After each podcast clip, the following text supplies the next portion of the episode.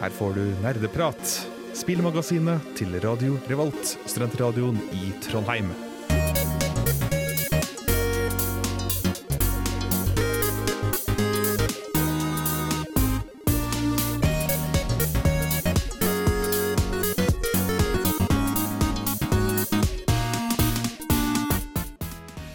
Alle sammen, og velkommen tilbake til en ny episode med Nerdeprat. Nok en gang, vi er tilbake i studio igjen. Eh, Denne gangen skal vi ikke tulle med dere noe særlig. Vi Vi, vi tuller jo ikke, vi, Håkon. Nei, du du har, godt poeng. Um, veldig godt poeng. Men vi, vi, vi skal i hvert fall snakke om videospill, sånn som vi alltid gjør. Vi har alltid gjort det. Alltid.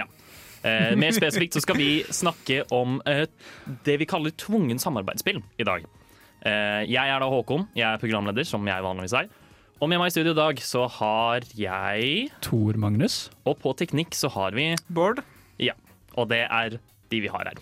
Ja. Um, vi skal komme i gang med å høre hva vi har gjort siden sist. Uh, spoiler, det er en del, faktisk. Vi har uh, fått tid til å spille en del, så det blir veldig gøy å høre om det. Nerdeprat på torsdag klokka fem nerdeprat. Vi skal snakke om hva vi har gjort siden sist her på Nerdeprat. Vi har spilt en del, og vi skal starte med Tor Magnus. Hei. Uh, jeg har spilt uh, faktisk, Jeg har spilt spill siden sist, faktisk. Wow! Eh, Noe annet sykt. enn Helt skole sykt. og Game Grumps? Ja, ikke sant? Det, det skjer aldri. Jeg har faktisk satt meg ned og bare tenkt at ha, Bravely Default er jo et veldig artig spill. det har jeg ikke spilt på skikkelig lenge. Fullførte det aldri, faktisk. Eh, så kan jeg kanskje skal spille det igjen. Så jeg har spilt skikkelig mye Bravely Default Ja. siden sist. Og det er faktisk utrolig gøy. Startet du på nytt, eller fortsetter du? Uh, det er såpass lenge siden at jeg, jeg spilte, så jeg begynte helt på nytt. Uh, men jeg syns det er verdt det. Uh, jeg har alltid vært den typen som liker sånn type Final Fantasy Tactics-systemer, for du har et jobbsystem.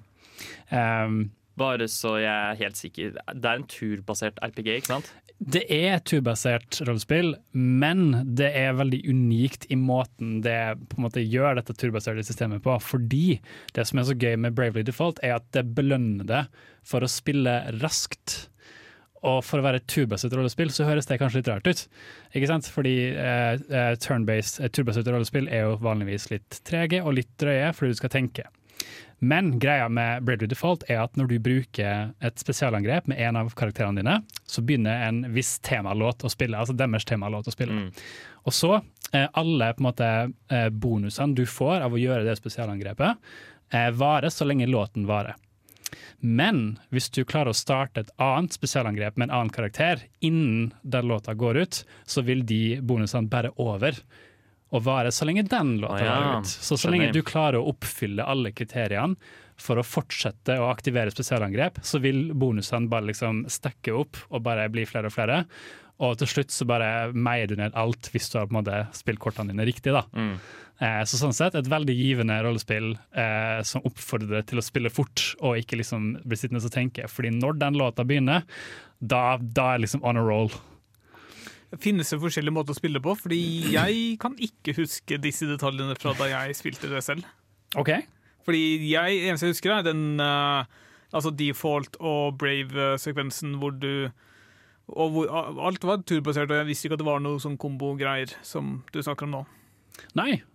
Da vet du det. Eh, Ja. det. Det er jo veldig slik at eh, du, sånn som du sier, Brave og default er jo liksom litt av hovedmekanikkene i spillet, hvor du kan velge å ikke angripe, og da går du i default, da er litt sånn defensive state. Mens Brave, eh, da bruker du en ekstra action, skulle jeg si, der. så du kan på en måte si du bruker default tre ganger, så kan du brave fire ganger etterpå, eller du kan bare gå og brave fire ganger med en gang, men da må du bli stående der og vente tre ganger før du kan Ja. acte igjen. Så det er veldig innovativt, egentlig. Det er ikke mange andre spill som har gjort det på den måten, tror jeg. Nei. Um, ja, jeg, jeg hadde umiddelbart tenkt å melde meg ut så fort du sa at det var turbasert, men nå høres det litt mer spennende ut. Det er veldig spennende. Ja. Jeg syns det er skummelt egentlig med at du må tenke fort. fordi Før så har jeg alltid vært sånn jeg liker at det er så treigt, fordi da kan jeg tenke og ta det rolig. Men når, du først, når, når ballen først begynner å rulle, og ting går fort, og du bare ser at oi, shit, jeg kom liksom helt inn i sonen, og, du- og, og liksom fingrene dine går raskere og raskere, raskere, og, og det er så givende. Eh, så det er litt derfor jeg har begynt å like det så godt òg, da. Yeah. Og fordi å levele klasser i ulike jobber er veldig gøy. Mm. Spennende. Ja. Mm. Kan snakke lenge om det. Ja, eh, men det har vi dessverre ikke tid til. Vi må Nei. gå videre. Vi skal også høre hva jeg og Bård har gjort siden sist, etter du har hørt Etter vi har hørt Glass Beach med Neon Glow. Det er tid å høre hva vi andre her i studio har gjort siden sist. Bård, har du lyst til å starte? Ja, Uh, siden sist, eller de siste to ukene er det vel egentlig, har jeg hovedsakelig spilt Warframe. Ja. Hva er Warframe? Uh, veldig godt spørsmål. Uh, jeg kan vel best beskrive det som en um, Som ninjaer i verdensrommet. Uh, OK. Ja. Det, det misledende navn, i så fall. Nei, altså Warframe er navnet på en slags drakt som du kontrollerer Ja. i eh, spillet. Uh, men spillet er veldig akrobatisk i natur. Du kan uh, Du har f.eks. noe som heter bullet jump, som vil si at du bare skyter fart framover når du hopper. Ah. Og så har du dobbelthopp. Alle har dobbelthopp, det er ikke noe, liksom, noe du låser opp eller noe sånt. Du har det helt fra starten av. Og det, du har liksom primærvåpen, sekundærvåpen og nærkampsvåpen, hvor Mm. det ofte er liksom sverd og kanskje katana og sånne ting. Så det er du, du ser ikke nødvendigvis ut som en ninja, eller du ser kanskje ut som noe et romvesen hadde kunne vært som en ninja. Um, så ja. Eh, sånn type spillmekanisk så kan det minne veldig om Destiny-spillene. Eh, men av det jeg har spilt så langt, så tror jeg det håndterer en del ting bedre enn Destiny. Og også så klart noen ting verre. Mm.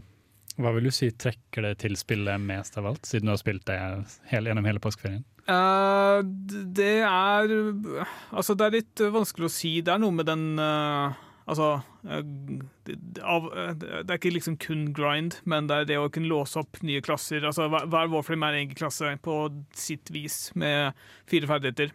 Så du låser opp det ved å liksom bygge en ny Warframe, og da må du skaffe ressurser. Så du bruker tid på å skaffe ressurser, og så bygger du en ny. Så tar det tre dager for den å bygge, fordi Jeg vet ikke hvorfor. uh, og så har du endelig låst den opp, og så må du leve den opp, og så finner du ut at «Å, ja, den her var veldig kul. Og så, så underveis har du dukket opp en annen som du har lyst til å bygge og teste ut, og så går baller på seg. Så nok et spill med et avansert jobbsystem. Ja, stemmer. Jeg tror det er sånn 40 forskjellige, men noen av dem kan muligens være duplikater. Eh, I tillegg så har du liksom Du har eh, litt andre aktiviteter som liksom fisking og temme dyr. Eh, av og til så må du Det er også kamp i rommet. Du liksom er i et romskip som Enten som liksom skytter eller som pilot, og så prøver du å bese- beseire fiendene dine der istedenfor.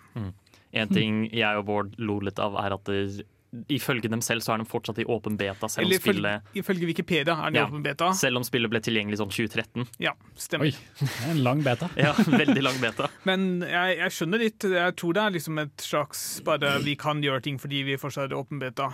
Jeg tror det er fordi det er åpenbart at spillet ikke er ferdig. De holder fortsatt på med oppdrag og historie. De holder fortsatt Altså, det eh, fly, Altså, skipskrigsystemet eh, ble nylig liksom endret. Type den siste oppdateringen. Så det er tydelig at de liksom legger mye arbeid og sånt på å prøve å polere ting fortsatt.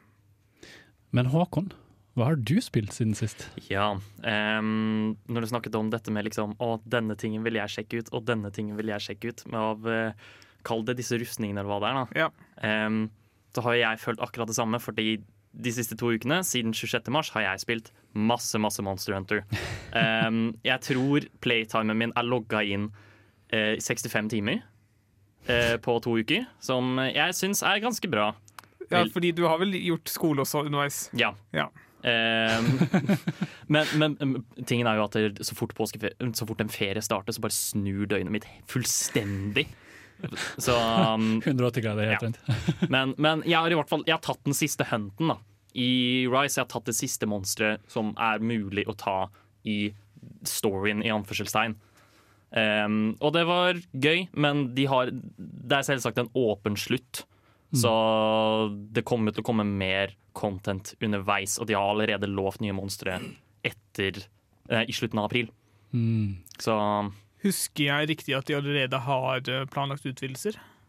Det Og det Jeg kan godt hende. Tror jeg så det i butikken da jeg sjekka ut spillet, fordi jeg har ennå ikke kjøpt det. Jeg er liksom på kanten. Men Ja. hvis du allerede er ferdig med det, så kanskje jeg skal vente er litt mer innhold klart. Og det kanskje kommer på salg. Men eh, vil igjen påpeke at jeg har spilt i 60 timer. Det er ganske mye. Jo, men jeg spiller også veldig mye for tiden. Jeg hadde 60 timer er ikke det er, det er en del, men det liksom, jeg vil kanskje fortsatt vente til jeg kan spille enda mer sammenhengende. Jeg har for så vidt fortsatt quests å gjøre, og jeg er jo ikke fullstendig ferdig med eh, bilden min, holdt jeg på å si. Så klart ikke. Så jeg kan jo fortsette å spille. Det er bare ingen flere nye monstre for meg å jakte. Men likevel, eh, jeg liker Rise kjempegodt. Jeg syns det er bedre enn Main Game World. Usikker på om jeg syns det er bedre enn Iceborne, altså utvidelsen til Monster Hunter World. Men det kan godt endre seg når Ja. eh, det kommer ut. Jeg kan også kjapt nevne at jeg har spilt Outer Wilds. Dritbra spill. Eh, jeg, jeg klarer faktisk ikke å slutte å tenke på det selv når jeg er ferdig med det. Um, skal ikke snakke så mye om det, fordi det er best at du opplever det helt blindt. Ja. Eh, spill det. Nerdenytt.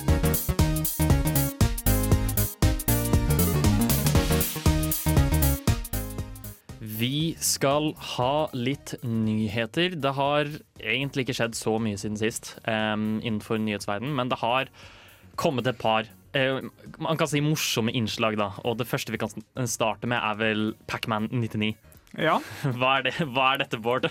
Uh, jeg så egentlig bare annonseringen nå nettopp. Uh, jeg visste ikke at det var en ting engang, Ja, men jeg men- tipper det er eh, Tetris99 bare med Pacman. Ja, det stemmer.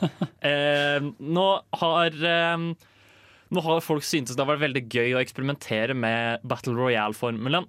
Så um, du hadde eksempel Tetris 99. Eh, stor suksess, utrolig gøy. Eh, og da er den sånn Ja, hvorfor ikke bare gjøre dette andre steder også? Du fikk jo eksempel Mario 35. Ja. Um, 35, faktisk. Ja, og det, det var i anledning 35-årsjubileet. Hvor det var 35 spillere samtidig, og så bare spilte de gjennom originale Mario Bros. Og avhengig av ting du gjorde der, så ga du motstanderne dine mindre tid på klokka. Og lignende. Denne gangen så er det Pacman. Nå er det 99 spillere igjen, uh, og man spiller Pacman. Og jeg antar da at det sikkert er mer sånn eh, Spiser du spøkelser og lignende, så kan du sende eh, slags ting til motstanderne.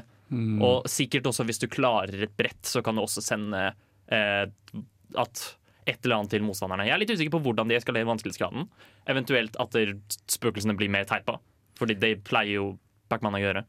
ja. eh, det må jo også være noe um, interaksjon med Altså I Tetris99 så blir det jo vanskelig kun altså hovedsakelig pga. spillehastighet, så kanskje det er noe lignende i Pacman også. At du Ja. har mindre rom for feil etter, jo senere i spillet det kommer. Mm.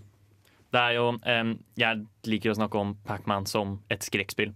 Eh, som at det var det første skrekkspillet, fordi når du kommer til de litt senere levelene, så viser de spøkelsene fuckings ingen nåde i det hele tatt. Eh, og det er, det er skikkelig skummelt. Og jeg, jeg ser for meg at den, Men nå så er det ikke skrekkspill, nå er det bare frustrerende.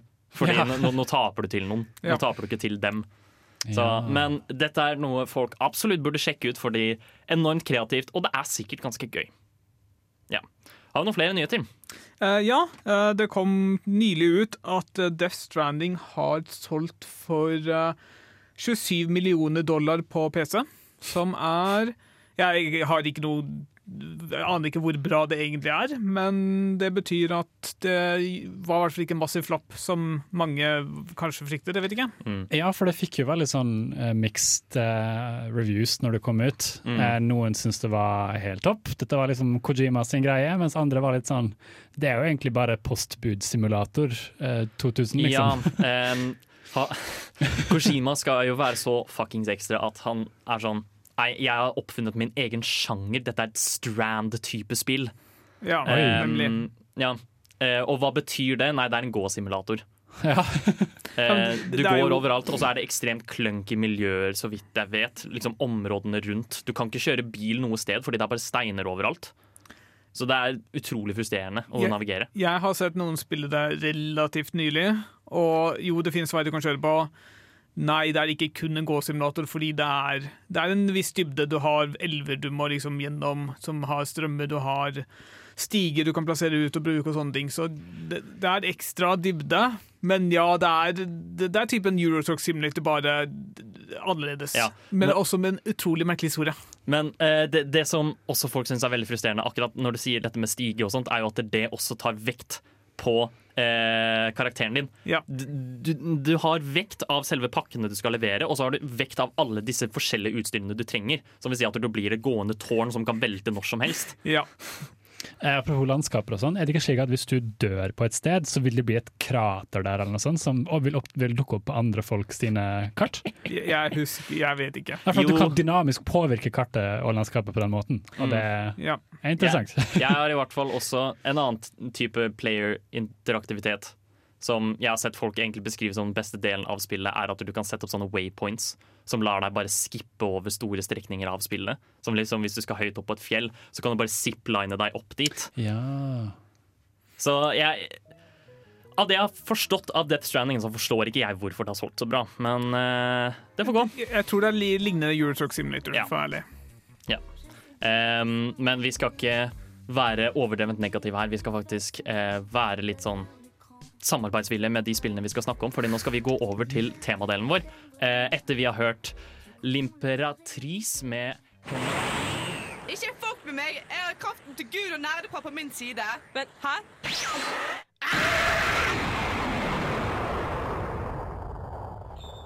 Vi skal starte temadelen vår, og det skal handle om det vi kaller tvungen samarbeid. Hva mener vi med det? Er det noen som har lyst til å prøve seg?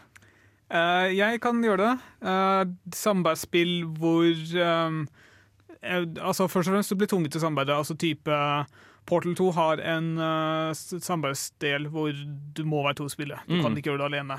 Uh, mange spill har du liksom muligheten til å bare legge på en ekstra spiller. For eksempel i Binary 6 så kan så er spill nummer to bare en ekstra spiller som gjør ting. Mens her er det snakk om spill som er designet rundt å være to, og som hovedsakelig hvor det kreves å være flere spillere for å komme seg gjennom spillet. Men heter det tvungen samarbeid på norsk? Fordi på engelsk er jo dette co-op games, så det høres veldig aggressivt ut på norsk. Forskjellen Altså, vi, vi har valgt å kalle det tvungen samarbeid rett og slett right. fordi du kan ikke komme deg videre uten hjelp fra partneren din. Og du kan ikke, øh, noen tilfeller kan du ikke engang spille spillet uten å være Ja. to. Uh, igjen Portal 2 sin samarbeidsmodus. Portal 2 har en veldig god enspillermodus, som er liksom Ja. Mens for å liksom uh, spille den delen som k- to Altså som er designet for to spillere, så må det være to spillere. Hvis du ikke har venner, så er du bare shit out of luck. Ja. Nettopp. uh, egentlig. Så for å sammenligne med andre co-op-spill, da. Kirby, veldig fint eksempel. Folk ser på det som et ganske bra co-op-spill, men det er bare sånn Det er bare for å ha det gøy at du har med flere spillere. Du kan spille gjennom hele spillet alene. Du trenger ikke en venn der. Du kan hvis du har lyst, men du må ikke. Du Ja. må ikke. Og derfor kaller vi det tvungen Og så er det noen eksempler vi ikke skal gå inn på. For eksempel noen, eh, noen spill som bare må ha mange spillere fordi det skalerer sånn. Type Raid i Ja. MMO-spill og sånt. Uh, vi bare dropper dem, fordi det er egentlig ikke så veldig Det, det er en, sin egen sjanger igjen. Ja, egentlig. Vi snakker om mindre perspektiver, gjerne to, kanskje tre spillere. Litt avhengig av hva vi kommer opp med. Mm. Ja. Det var vel egentlig ikke så mye mer å si om det akkurat der. Nei. Uh, vi kommer jo sikkert til å nevne noe som ikke går helt inn i definisjonen, men det får vi også bare tåle. Fordi Ja, som så må vi ha gode eksempler på ting som er verdt å nevne likevel. Ja, fordi det er enkelte spill her som du kan i teorien fullføre alene, men som på mange måter er fullt designet for at du skal ha venner med deg. Ja, Hvor liksom enspillerdelen er slengt på som en lite ekstra istedenfor eh, det motsatte. Ja. Fordi for eksempel i Call of Duty så er det gjerne det at du spiller to spillere Eller Call of Duty er veldig dårlig eksempel fordi der skal det være veldig mange spillere, men uh, i for eksempel Mario, pa Mario Party 1 er et dårlig eksempel. Hva var det egentlig jeg lette etter? Um, I noen spill så er det designet Altså hele liksom spillmekanikken er designet for at det skal være flere for å kunne for eksempel gjøre ting parallelt. Mm. Mens um, uh, Ja. Det var egentlig bare det. Em, uh, vi skal ikke drøye det så mye mer. Vi skal komme i gang med å snakke om uh, hva skal man si, symmetrisk uh, hjernetrimsamarbeid, Ja. har vi kalt det. Eh, etter vi har hørt Lazy Queen med Gid Beal. Nerdeprat på Radio Revolt. Symmetrisk hjernetrim skal vi snakke om nå. Det var det vi kalte det. Um, hva mener vi med dette? Vi snakket veldig kort om Portal 2. Ja, Portal 2 er et veldig godt eksempel. Ja. Um, hva, er, hva er det som skiller Portal 2 co-open fra vanlig co-op? holdt jeg på å si? Nei, fra vanlig eh, portal, mente jeg. Ok, For å først gi en kort beskrivelse av Portal 1 og 2. Uh, Du er en person som har en portal-dings. Ja, som lager. Ja, en eh, portalpistol. Som eh, oppretter eh, portaler i to forskjellige farger, eh, blå og oransje. Yep. Som du kan bruke for å reise rundt i ikke i tid, men i rom. Ja. Og det bruker du da gjennom hele det første spillet og i spill nummer to. Og hvor spill nummer to også ligger til litt ekstra greier med Jeg tror det er noen væsker og sånt som blir brukt. Jeg husker ikke helt det. det er ingen Mm. som spilte. I uh, flerspillermodusen så er du to personer som har hver sin portalpistol. Og av og til så er dere atskilt, og- men jeg tror hovedsakelig så er du i samme rom og bare har Altså Da er det da fire forskjellige farger, du har to farger og partneren din har to farger, og så må du liksom vite hvordan du skal bruke dem for å komme deg videre. Mm. Det de essensielt har gjort, er å lagt til to ekstra portaler. Ja. Som er bundet til en annen person. ja. Og dere må da samarbeide for å bruke disse fire portalene for å komme dere i mål. Det er jo det de kaller hva er det, tester. Um, det er det de forskjellige levelene er, på en måte. Ja, stemmer. Uh, plottet i Portal 2 er jo at du skal teste ut ting for en stemme i høyttaleren eller Ja. noe sånt. Mm. Um, og i hvert fall i Portal 2 så gjør de det veldig kreativt. Um, selv om det på en måte ikke er Altså, det mest innovative eksempelet av co-op vi har planlagt i denne sendingen, så mener jeg fortsatt at det er veldig en veldig god co-op. Hva er det som skiller det fra asymmetriske spill? Siden dette var symmetrisk. Mm. Uh, d- d- eh, igjen, du er to personer med samme portaler. Altså, du, det er irrelevant om du eller partneren din gjør noe, så lenge en Mm. gjør det. Ja. Det viktigste er at du har en portal fra punkt A til punkt V ja. Der. Um, og som Bård sa, så vil det ofte være liksom at dere skiller dere. Mhm. og må gjøre på en måte to forskjellige ting på to forskjellige plasser samtidig, eller noe lignende. Em, og det oh, det, det spiller ingen rolle hvem som gjør de forskjellige handlingene. Det kan være hvem som helst som går på den andre siden og gjør ting der, f.eks. Ok, Så det er liksom ikke én person som kan gjøre noe som den andre personen ikke kan? Nei. Ok. Men, men eh, man trenger begge spillerne, og at de samarbeider og faktisk gjør det de skal for at man skal komme seg videre. Gir mening. Gi mening. Uh, jeg må hva skal jeg si, eh, være litt uenig med deg, Håkon. Jeg, Portal 2 var kanskje innovativt da det kom ut, men det er en utrolig simpel form for uh, samarbeid. Ja. Det er jeg, Nå som jeg liksom har fått utvidet horisonten min litt og sett liksom hvordan andre spill gjør det, så er det liksom Ja, OK, vi la til en ekstra person. Vi designer noen, eh, altså noen eh, baner som er designa for det, og det er det, liksom. Em, ja, jeg, og jeg forstår veldig godt hvorfor du mener det. Fordi jeg, jeg mener også at det som gjør Portal 2 Coop-en interessant, er det som gjør Portal interessant. Ja. Altså portalene. Men om du finner riktig folk å spille med, så blir det en utrolig frustrerende opplevelse som tvungen samarbeid skal være. Jo, men det kan du jo si om egentlig alle spill. Ja, ja. Men, Hvis du finner riktig person, så blir det gøy på en eller annen måte. men eh, jeg vet ikke, jeg bare syns det er mer frustrerende når det gjelder tenkespill. Ja. For- Fordi, fordi hvis du skjønner en ting som de andre ikke skjønner i det hele tatt, så Ja. bare sitter du der og venter. Eller hvis de skjønner noe som du ikke Ja. skjønner. Eller, nei, vent, det har du kanskje aldri opplevd, Håkon. Nei, jeg, jeg, jeg har en megahjerne. Shots fired! oi, oi, oi, Bård, du er on a roll i dag. Ja, ja. Um, Har du noen andre eksempler for de som liker Portal 2 uh, samarbeidsmodusen? vi kan snakke om uh, Ib and Ob, som uh, Det er et veldig kort spill. Det, det, det tok meg og romkameraten min omtrent fem timer å spille gjennom. Um, hvor du bare ene styrer en grønn klatt, og den andre styrer en lilla klatt. Um, hvor dere ofte blir liksom atskilt. Tenk deg at det er en linje mellom banen, hvor den ene går på undersiden av linja, og den andre går på oversiden av linja.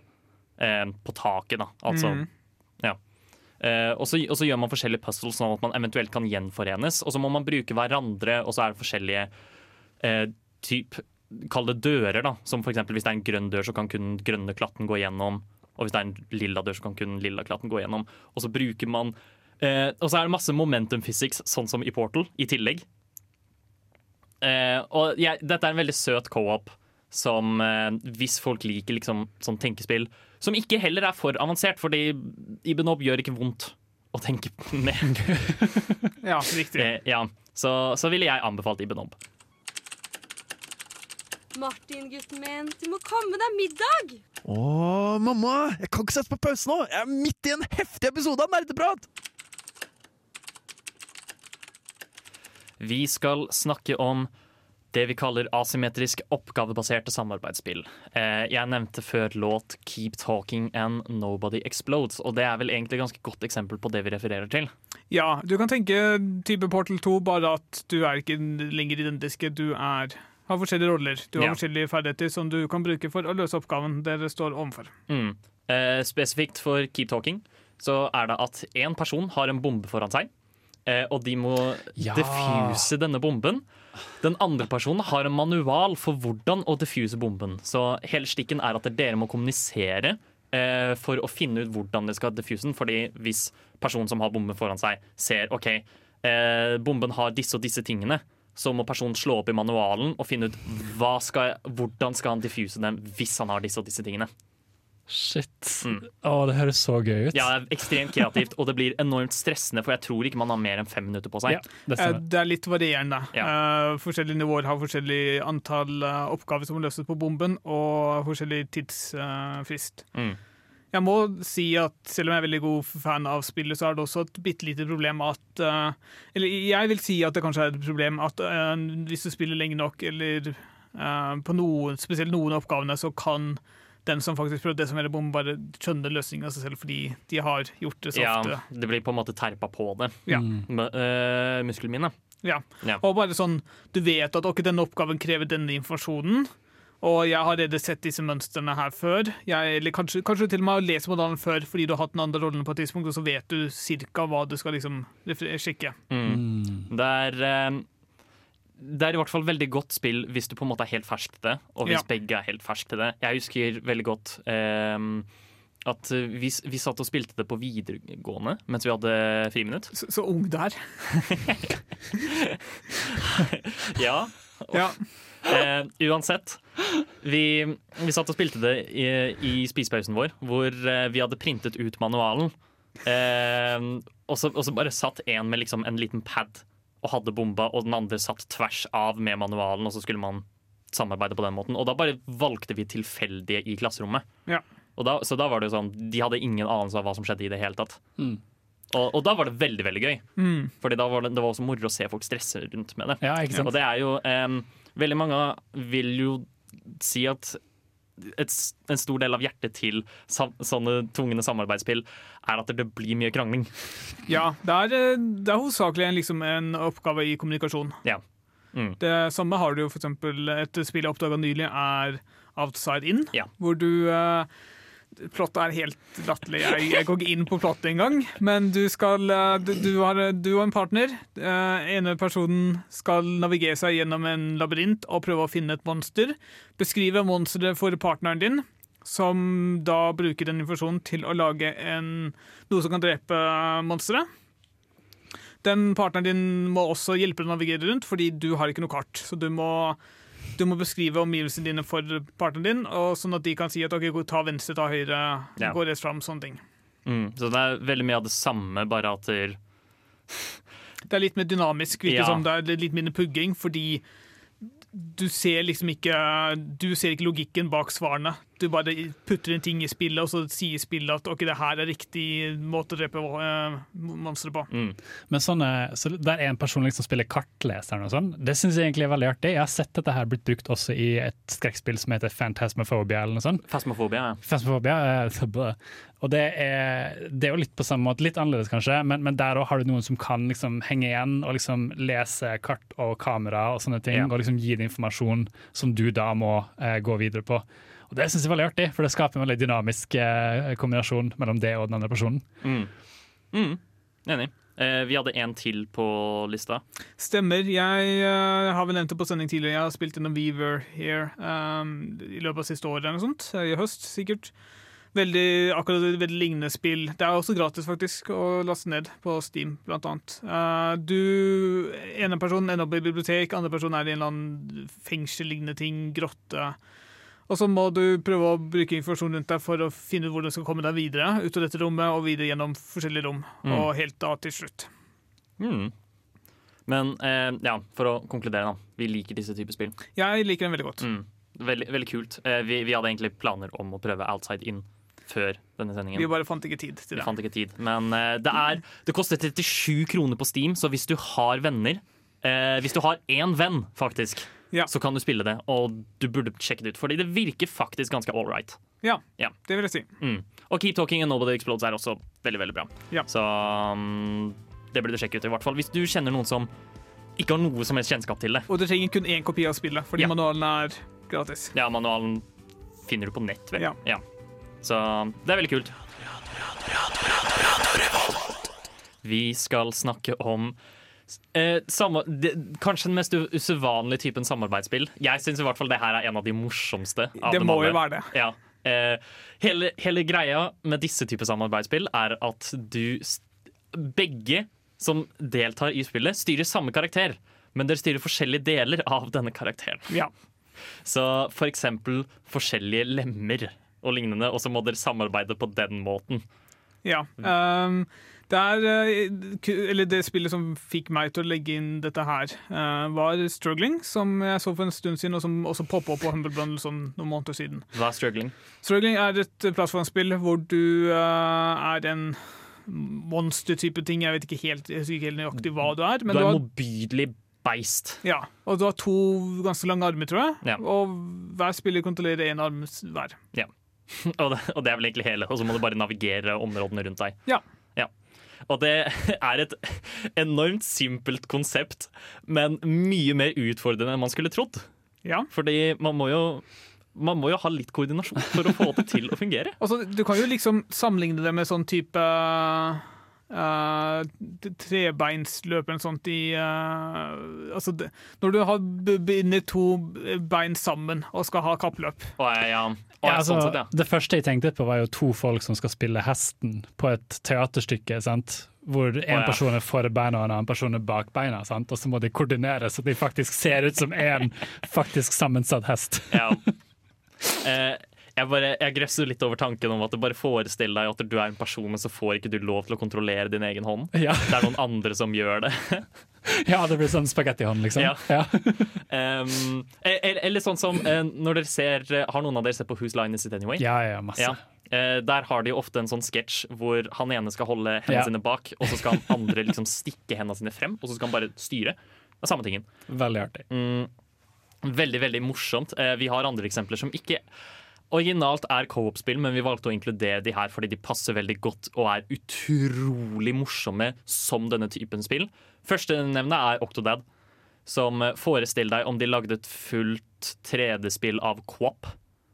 Eh, som er eh, Quop er rett og slett eh, Du løper på en ja, Hva skal man si? 60 meter. Ehm, og, så, og så bare kontrollerer du hver lemme individuelt. Å nei. Og dette gjør du i um, Octodad også. Du kan gjøre dette på egen hånd. Det er singleplayer. Men det er også en co-op-mulighet som lar deg kontrollere forskjellige lemmer. Og det er jo mye morsommere. Ja, eh, Kaos. Octodad er kjent for å være absurd vanskelig i movementen sin også. Eh, det er komplisert nok når man er alene, så forestiller jeg hvordan det blir når man har venner. Ja. Mm. Og så spillet er også bare genuint morsomt. Ja, skikkelig, skikkelig morsomt. Det at du er en uh, blekksprut. Ja, for, fordi hele tingen med Octodad er jo at du er en blekksprut, men alle tror du bare er en vanlig familiefar. Eh, og, så, og så skal du til eh, akvariet, og så får du helt packeren, fordi du er jo en blekksprut. Ja, hater når det skjer. Ja. Eh, vi kan også nevne et spill som var veldig veldig populært, eh, Surgeon Simulator.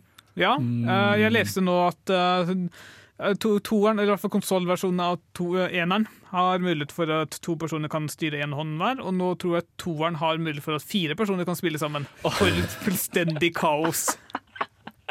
Å, herregud. Uh, Surgeon Simulator er da et spill hvor du skal operere en person. Ganske Jeg vet ikke helt hvor realistisk det er. Det er helt absurd vanskelig, vet jeg. Ja, fordi du kan liksom kutte blodårer og Ja.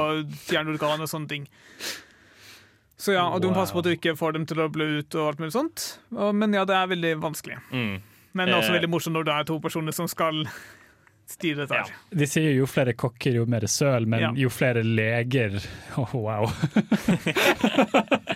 Eh, ja, dette er i hvert fall eh, de samarbeidsspill, eh, samarbeidsspillene eh, som vi anbefaler dersom du bare har lyst til å ha det jævlig lættis. Ja. Oberst, jeg prøver å snike meg forbi vaktene, men lyden av min rumpeblafreng distraherer dem fra å lytte på nerdeprat. Em, vi skal snakke om asymmetrisk lagbasert flerspillespill. Dette var en veldig lang tittel, som vi har kalt dem. Og hva mener vi egentlig med dette, Bård? Eh, vi mener eh, spill hvor du samarbeider med andre, men også spiller mot andre. Ja. Eh, og hvor Altså asymmetrisk er igjen det at du har forskjellige roller. Det eksempelet jeg tror jeg vil først kom på, eller grunnen til at jeg inkluderte sendingen, er et spill som jeg spilte litt av tidlig 2010-tallet, som heter Guns of Icarus. Det er et spill hvor eh, Jeg husker ikke helt om det er tre eller fire stykker som eh, kontrollerer et eh, luftskip. Eller ikke sånn tra tradisjonelt eh, luftskip, men steampunk-luftskip. Oh yeah. Mm. Uh, hvor en er pilot, uh, og x antall personer er uh, sky skyter eller reparerer ting. Og da er det litt forskjellige moduser. Noen ganger skal du bare drepe de andre motstanderne, og andre ganger så skal du kanskje kontrollere et eh, mål eller noe sånt. Handler det ikke litt om å liksom vedlikeholde dette flyskipet? skulle jeg Jo, når du blir skutt på, så må du jo reparere ting. Mm, eh, styre våpnene, Ja. seilene, jeg vet ikke. Stemmer. Er det noe formål utenom å bare drepe andre folk? Jeg tror de la inn en enspillermodus etter hvert og sånne ting, men i hvert fall da jeg spilte, så var det kun flerspillermodus. Og ehm, jeg tror de, det i hvert fall det jeg husker mest av det, var en modus hvor du bare drepte Altså, det var om å gjøre å være sistemann til å leve, og det var ikke kun liksom én mot én. Det var kanskje tre eller fire forskjellige skip i lufta samtidig. Mm. Kan, vet du hva, Jeg tror det var to lag med to skip på hvert lag. eller noe sånt. Mm. Mm. Eh, det, det høres ut som er egentlig at det, disse her er på en måte Det er et slags eh, samarbeidsspill hvor du kommer til å få veldig mye mer content enn et vanlig samarbeidsspill. Mm. Ja, eller altså, hvis, du er, hvis du har sånn konkurranseinstinkt og lyst til å hjelpe altså, samarbeide med folk for å liksom vinne, type i e-sport eksempel, hvor du har Mm. et godt lag uh, Hvis du har litt uh, lyst li, Altså hvis du har litt lyst til å ha litt mer hva skal jeg si, rolig og litt mer statisk tilnærming til det, så er jo dette noe som kan fungere bra. Ja. Hvor du liksom kan sette at ok, du er alltid piloten, du er alltid uh, på våpen, og sånn er det liksom alltid. Ja. Istedenfor at du må tilpasse deg hvem den du møter. For å bygge litt på det du sa, Håkon. Eh, du får jo litt veldig med gjenspillerverdi fordi man kan jo bytte på rollene. Ja. ikke sant? Og da hvis du har for eksempel eh, for lenge siden spilt i et lignende spill, bare at det var et romskip isteden.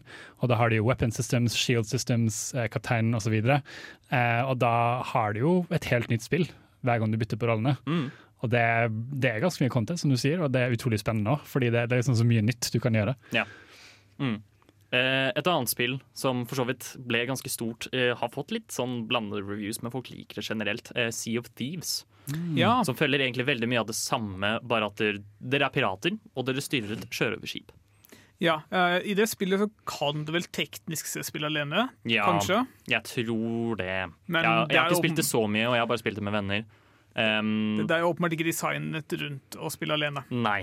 Uh, fordi du, du, rett og slett du blir satt i en åpen verden sammen med en hel haug med andre spillere.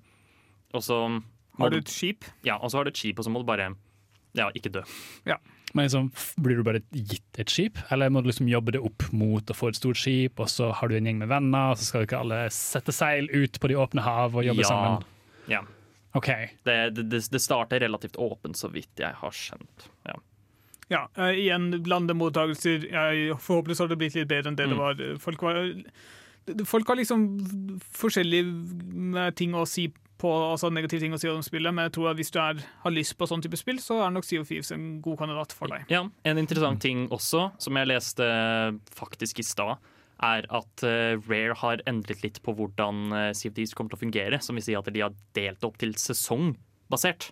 Som vil si at det, det skal komme en sesong to av Sea of Thieves snart, hvor de kommer med nye gameplay-elementer og lignende. De trenger altså mer penger. De trenger mer penger. Em, men, men det vil altså også si at de kommer til å prøve å variere gameplay mer. Ja, og hvis du kanskje blir lei det som finnes der nå, så er det større muligheter for at det kommer mer interessant i framtiden. Ja, og da er det rått kanskje tid for å sjekke det ut nå. Da er det i hvert fall ikke det et dumt tidspunkt å sjekke det ut nå. Ja, jeg- Eller hvis du har spilt det tidligere, sjekk det ut på nytt. Ja, jeg har ikke sjekket ut ennå. Jeg burde definitivt gjøre det. Ja, det er, eh, de, det lille tida jeg spilte det, så var det veldig gøy. Og det var bare fordi det var veldig kaotisk. Ja. Eh, og det er sånn jeg liker det. Var, var du kaptein? Eh, ja, jeg var for så vidt det, men det er bare fordi vi hadde ingen klar rolle på det. Men, men, jeg, men jeg var vel kaptein fordi jeg eh, hva, hva heter det? Jeg eh, Å, jeg glemmer ordet. Du tok ansvar. Jeg tok ansvar. Ja. Em, ja, ja. Vi skal eh, gå videre. Vi skal snakke om egentlig grunnen til at vi har denne sendingen her, nemlig det nye spillet It Takes Two. Eh, etter vi har hørt Headless med Line and Stone. 360 No Scope. 420 Blaze It. Mom, get the camera. Nerdeprat på Radio Revolt.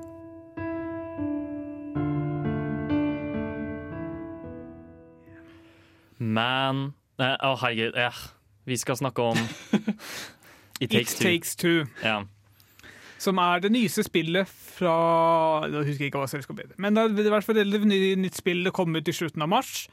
Og er definitivt tvungen samarbeidsspill. Ja. Eh, og utviklerne har faktisk vært såpass greie at de det holder at kun én spiller kjøper spillet, og så kan partneren din spille gratis. Ah. Serr? Over, Ja. over nettet òg, da? Eller? Ja, det, er- jeg tror det heter eh, De kaller det Friend Pass. Jeg har sett eh, noen tidligere titler også. Eh, Så vidt I hvert fall sånn som Man of Medan gjorde det, som vi skal prate om litt senere. eh, Så får du en ting i Steam-biblioteket ditt sånn, som du kan gi bort til en venn. Uh. Kjekt. Ja. Ja. Utrolig kjekt. Men for, å kort, for å kort forklare hva It Takes Two er, så er det rett og slett um, Det er et ektepar, og de har litt sånn problemer i ekteskapet sitt. Eh, og så blir de krympet ned til dokker. Og så skal de liksom finne kjærligheten på nytt ved å Ah. navigere de forskjellige områdene de finner. Ja, det er vel fordi De- de har en datter, og datteren noe med, har noen dokker, og så Ja.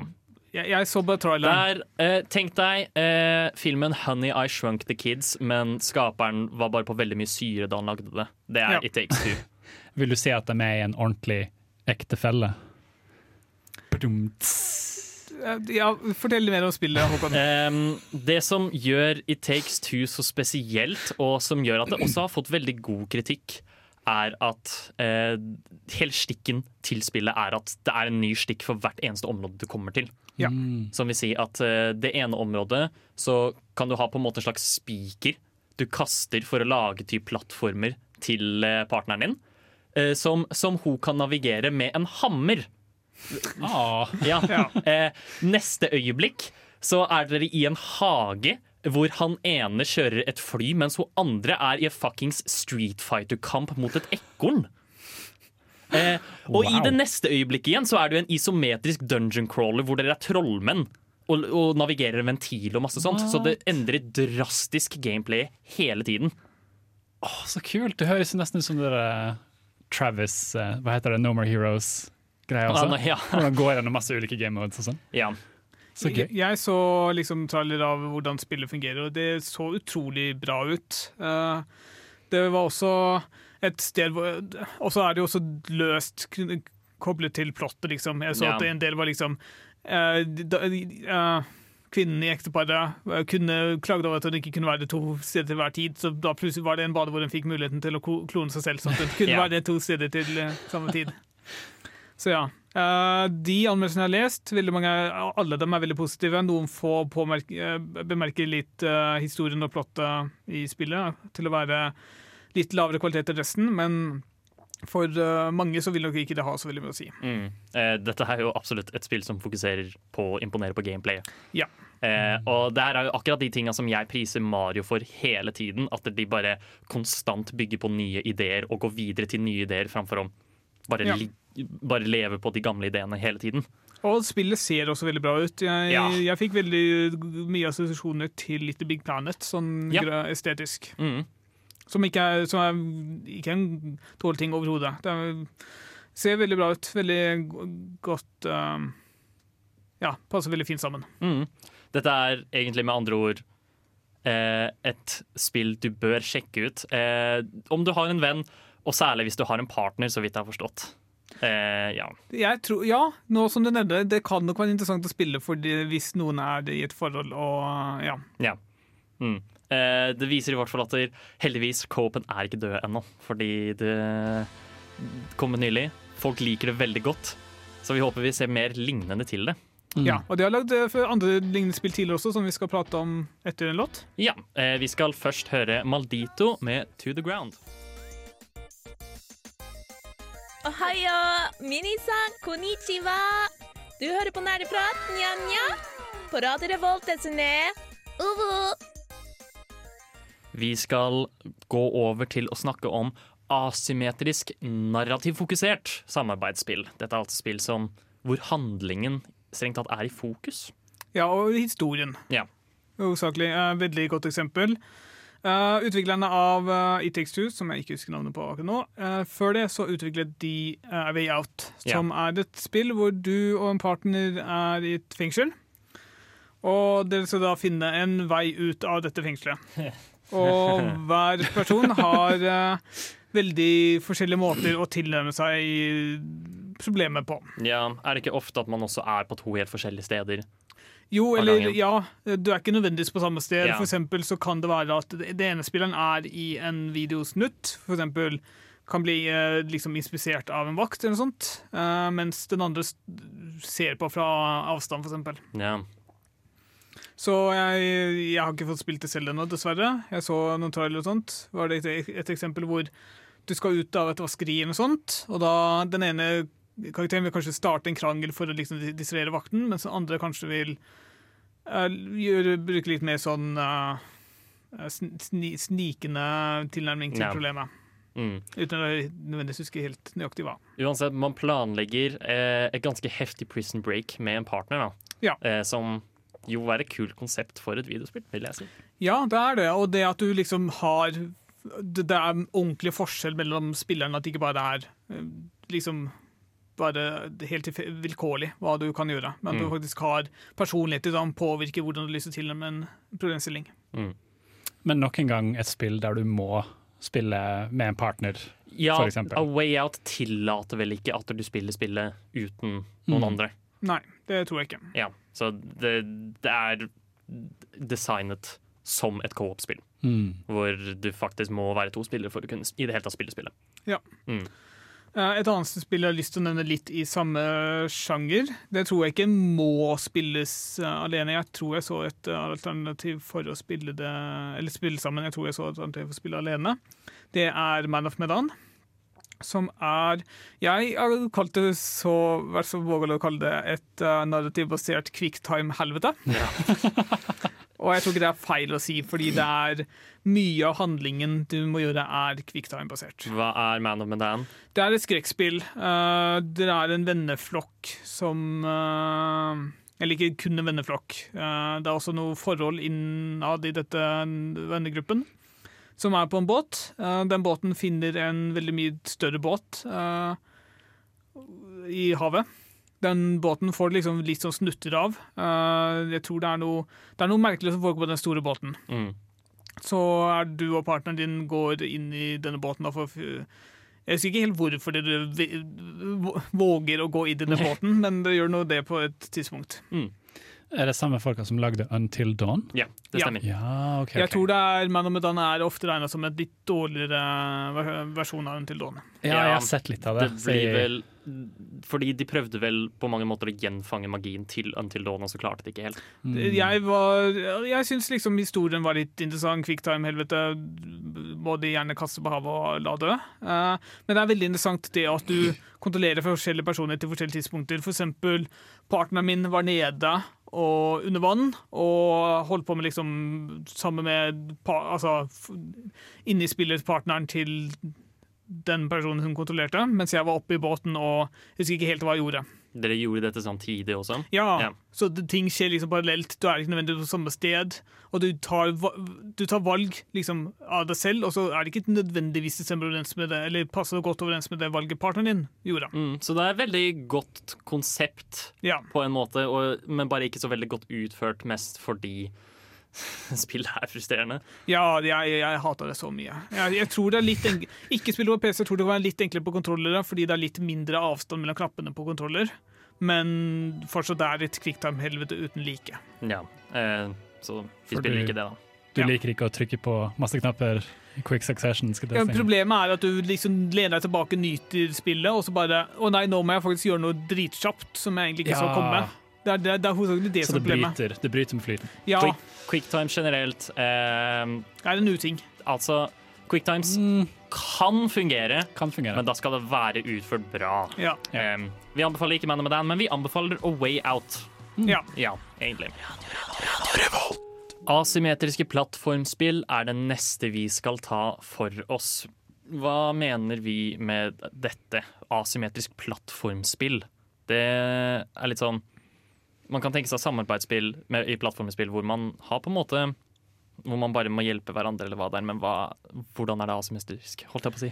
Du har forskjellige ferdigheter. Eh, Det beste eksempelet jeg kan komme på, er Trine. Eh, Trine kan jo for så vidt også spilles alene ved at du bytter på hvem du faktisk kontrollerer, men det er jo Jeg vil tro det er designa rundt å være flere, fordi det er, det er tre forskjellige personer som Ok, Nå er jeg litt usikker om de alltid er på Nei, jeg tror ikke de alltid er på scenen. Men uh, uansett, du må bruke forskjellige ferdigheter fra de forskjellige eh, personene til å faktisk komme deg videre. Mm. Ikke sant? For eksempel i Twine så har du en trollmann som kan lage en boks som du kan stå på. Du har uh, Ok, jeg husker egentlig hva trollmannen gjør. Det er så lenge siden jeg spilte. Eh, Et, litt, et eksempel som er litt mer nærmere hjemme, er jo Shadow Puppeteer, eh, som en stund siden det kom ut nå. Eh, men det er i hvert fall laget av norske spillutviklere, Sarepta Studios, sjekk ut de. Eh, de laget også Mild Child Lebensborn, som ble nominert eh, Jeg husker ikke hvilken pris, eh, men en kul pris. Um, og i Shadow Puppeteer så skal du og skyggen din samarbeide for å komme dere frem. Og da er det én person som spiller eh, hovedkarakteren, mens en annen person spiller skyggen. Og de kan jo ikke gjøre det samme, fordi skyggen din er jo ikke materiell. Sant? Han kan jo ikke apparere i den virkelige verden, han må gjøre skyggeting. Så han kan på en måte interagere med andre skygger. Og sånne ting. For eksempel hvis det er en stor boks i veien som ikke du kan flytte, så kan skyggen din dytte skyggen av boksen, ikke Ja. og sånne ting. Eh, som var ganske innovativt og veldig kult. Vil eventuelt dytte skyggen av boksen også dytte boksen? Det, det var det jeg mente, ja. At ikke skyggen går bort og boksen Ja. blir igjen. Det hadde vært litt rart. Mm. Ja, men det, det er en veldig kreativ løsning på det. Mm. Er det sterke plattformelementer i spillene? Ja, det er veldig Ja. plattformfokusert, tror jeg. Mener å huske det. Mm. Tror det er på Wii og eller et, et eller annet Wii-plattform. Ja, vi burde sjekket dette ut før sending, eh, men det er i hvert fall på Nintendo et sted. Ja. Um, veldig kult konsept, faktisk, å ha dette med skyggegreiene. Og så vil det vel var, Er det ikke noe også sånn om at der, denne skyggepersonen ikke kan gå inn i lyset? Jeg tror det, Ja. for det er i hvert fall en eller annen gang, eh, kanskje jeg kan huske feil, hvor du må liksom kanskje endre litt på hvor lyset kaster skygge og sånne ting, eh, for at skyggen skal kunne komme gjennom de eh, stedene den ikke har passasje ellers. Mm. Så ganske kult. Veldig innovativt Og norsk. opplegg. Og norsk. Em, for å gå tilbake til uh, Trine, det vet jeg har fått veldig god kritikk. Ja, I hvert fall noen av spillene. Jeg tror ikke alle har fått det. Fordi det er, nå er det jo i hvert fall tre eller fire spill i serien. Og jeg tror i hvert fall jeg tror ett av dem ble litt dårlig eh, mottatt. Men de, de andre er veldig, veldig bra. Veldig jeg vil, jeg vil ikke nødvendigvis si klassiske, men det er liksom anerkjent som god, go, godt lagde spill. Ja. Veldig fine, fine altså, veldig godt design, veldig altså sånn estetisk å se på. Mm, Men veldig. også veldig godt laget. Ja. Eh, i, I det første så var det vel også tre karakterer? Jeg tror det, ja. Ja. Men et- det er mulig det første kanskje kun kan spilles solo. Men at, øh, og at samarbeidet kun er mulig fra toeren. Jeg er litt usikker på det. Jeg fant i hvert fall på Steam her Trine Enchanted Edition. Ja, det stemmer. Mm. Det er, øh, har fått en liten oppussing i nyere tid. Mm. Så hva, hva, skal man, hva skal man si om disse spillene? Eh, er de mer, kan man si at de er mer avslappet, kanskje? Ja, altså det, det er jo plattformspill uten Ja. å være liksom den nye intensiteten som ofte kan være i plattformspill. Mm. Det er ikke liksom Super Meat Boy-type Nei. plattform. Det er bare hvordan skal vi komme oss videre fra dette her. Ja, dette er jo, Plattformspill er jo gjerne spill som, hvor man kan lene seg litt tilbake og bare ta det chill. Ja. Og så forestiller jeg meg at det ikke er fullstendig like frustrerende som andre samarbeidsspill heller. Nei, fordi det er veldig lite sånn oppgaveløsning. Det er veldig lite sånn krangling, tror jeg. Det er bare det er Ja, la oss prøve å se hva som kan fungere for å komme oss videre. Ja. Mm. Så der fikk dere det. Det var eh, Burde sjekke det ut. Jeg har i hvert fall lyst til å sjekke ut Trine. Du lytter til Nerdeprat fra Radio Revolt. You're listening to Nerd Talk from Radio Revolt. Vi skal bryte Ja, kanskje, da. Bryte litt med definisjonen vår fram til nå. Fordi vi skal snakke om symmetrisk oppgavebasert spill, men da fokus på Overcooked og et annet spill som heter Lovers in a Dangerous Spacetime. Disse er ikke obligatoriske samarbeidsspill, men de vektlegger co-open såpass heftig at vi følte de tilhørte denne sendingen her. Ja. Uh, I eksempel, eller for eksempel med Overcooked, som er det spillet jeg har spilt og er veldig glad i, det er nesten umulig å fullføre alene. Jeg, jeg har mista motivasjonen for å spille alene sånn totalt, fordi det er så utrolig vanskelig. Så fort du bare får én ekstra person til å liksom gjøre ting parallelt med dem, så blir det så ufattelig mye enklere. Hva er det som skjer i Overcooked Board? I Overcooked så er du en kokk som skal da lage mat som kommer inn på bestilling. Eh, så det du gjør, er at du um, Du må hente maten fra eh, en eh, kiste eller en boks eller noe sånt. Og så avhengig av hva maten er, så må du tilberede det på forskjellige måter. Som regel så må du kutte den litt opp, kanskje du må tilberede den på en komfyr, og så må du putte det på en tallerken sammen med sikkert en eller to andre ting, og så putte det ved liksom um, jeg holdt på å si utgangen, men disken, Mm. hvor eh, de kan bli servert. Mm. Og en annen ting med Overcooked er at karta blir enormt komplisert Ja, etter hvert. kartene kan bli veldig absurde. Noen ganger så er det liksom et skip hvor ting flytter seg med vannbølger og sånne ting. Ja, ikke bare det. Jeg så noen som spilte en gang på en, eh, på en motorvei, hvor det var to lastebiler som sto ved siden av hverandre, Ja. som av og til kjørte litt fra hverandre, slik at du ikke nådde den ovnen hvor du hadde plassert stekepanna Ja. di på, og så begynner den å brenne på et tidspunkt, og du kan ikke komme over til den. Og det det bare kaos. Du må bare kaos. sitte og vente til det kommer sammen igjen. Ja, ikke sant?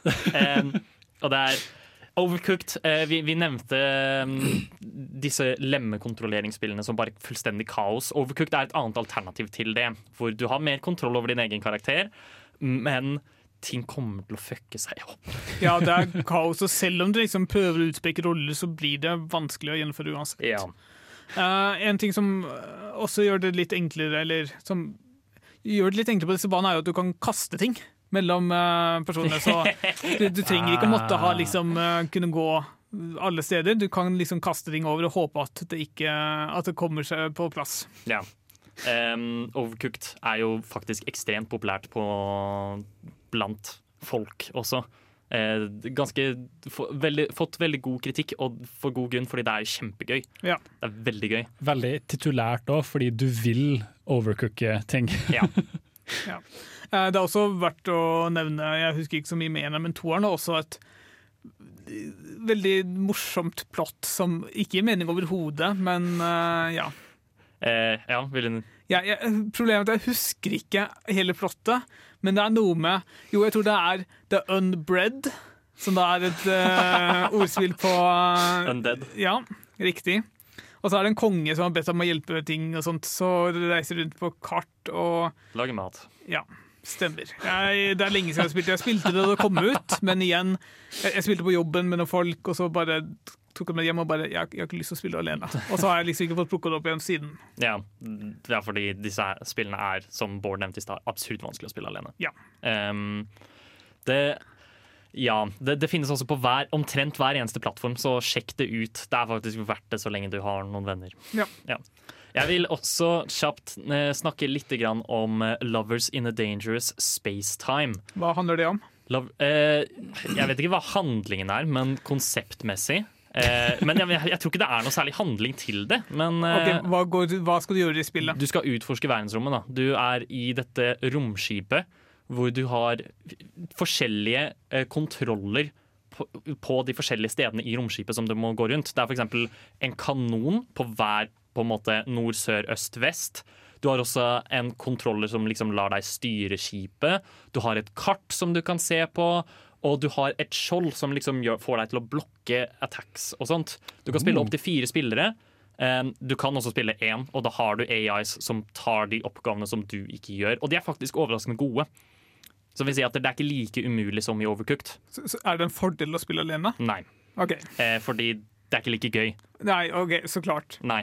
Eh, det, er, det er mye morsommere å kjefte på alle kompisene dine for Ja. at de er ubrukelige, enn å faktisk bare være sånn Bra jobba til denne ene AI-en som jeg ikke har noen relasjoner til. Gir du den en tommel opp? Ja. Ja. Eh, Lovers in a Dangerous Spacetime er veldig veldig gøy, og så er det ikke så komplisert. Sjekk det ut. Når innså du at du var en gamer? Dersom du kunne spilt kun et spill i et år Hva er det eldste spillet i backloggen din? Hva har du lært fra spill som du har fått nyte av i Er det et spill som har hjulpet deg gjennom en tung periode av ditt liv? Hva er ukas spørsmål? Ukas spørsmål så går vi i det mer innovative hjørnet. Eh, Vi anerkjenner vår gründerbakgrunn her på Nerdprat ved å bare stille oss spørsmålet Har vi noen kule co-op-ideer. Eh, Vær så snill, ikke stjel ideene våre. Ja, ikke, ikke stjel dem. Dere får høre dem her, bare for å altså, vite hvor gode vi er. liksom. Ja. Hvor smarte og innovative vi er, men ikke stjel dem. Bård, du hadde en du hadde lyst til å starte med. Ja, jeg har tenkt på dette her i hele sånn ett minutt, tror jeg. To minutter. Fikk en gyllen idé. Ja, men jeg har, jeg har et lite tilbaketitt på forrige ukes sending. Jeg synes, tror det hadde vært kult med et eh, etterforskningsspill hvor du og partneren din etterforsker noe, men dere ser ikke de samme tingene. OK. Hvordan, sånn, hvordan da? For for eksempel kan det være spesialister på forskjellige ting, så det får uh, forskjellige bevis, eller har mulighet til å liksom inspisere forskjellige bevis, og må da prøve å bruke begge deler til å komme fram til konklusjon. Så man skal da kommunisere sammen? Altså 'jeg fant dette', 'jeg fant dette'. Ja. Det kan bety at dette er en Men det ting stemmer ikke som har skjedd. overens med det beviset jeg Ja. fant. Og så, å ja, og så er det da rom for at noen kan ha fabrikkert bevis og lignende? Kanskje, jeg vet ikke. Uh, ok. Det, det, var, det, er- det er helt i starten av idéfasen, men jeg tror det hadde vært kult. Dette kan Du, du har en idé her, ja. Ja. Absolutt. Eh, virkelig i det innovative hjørnet i dag. Eh, TM, har du noe?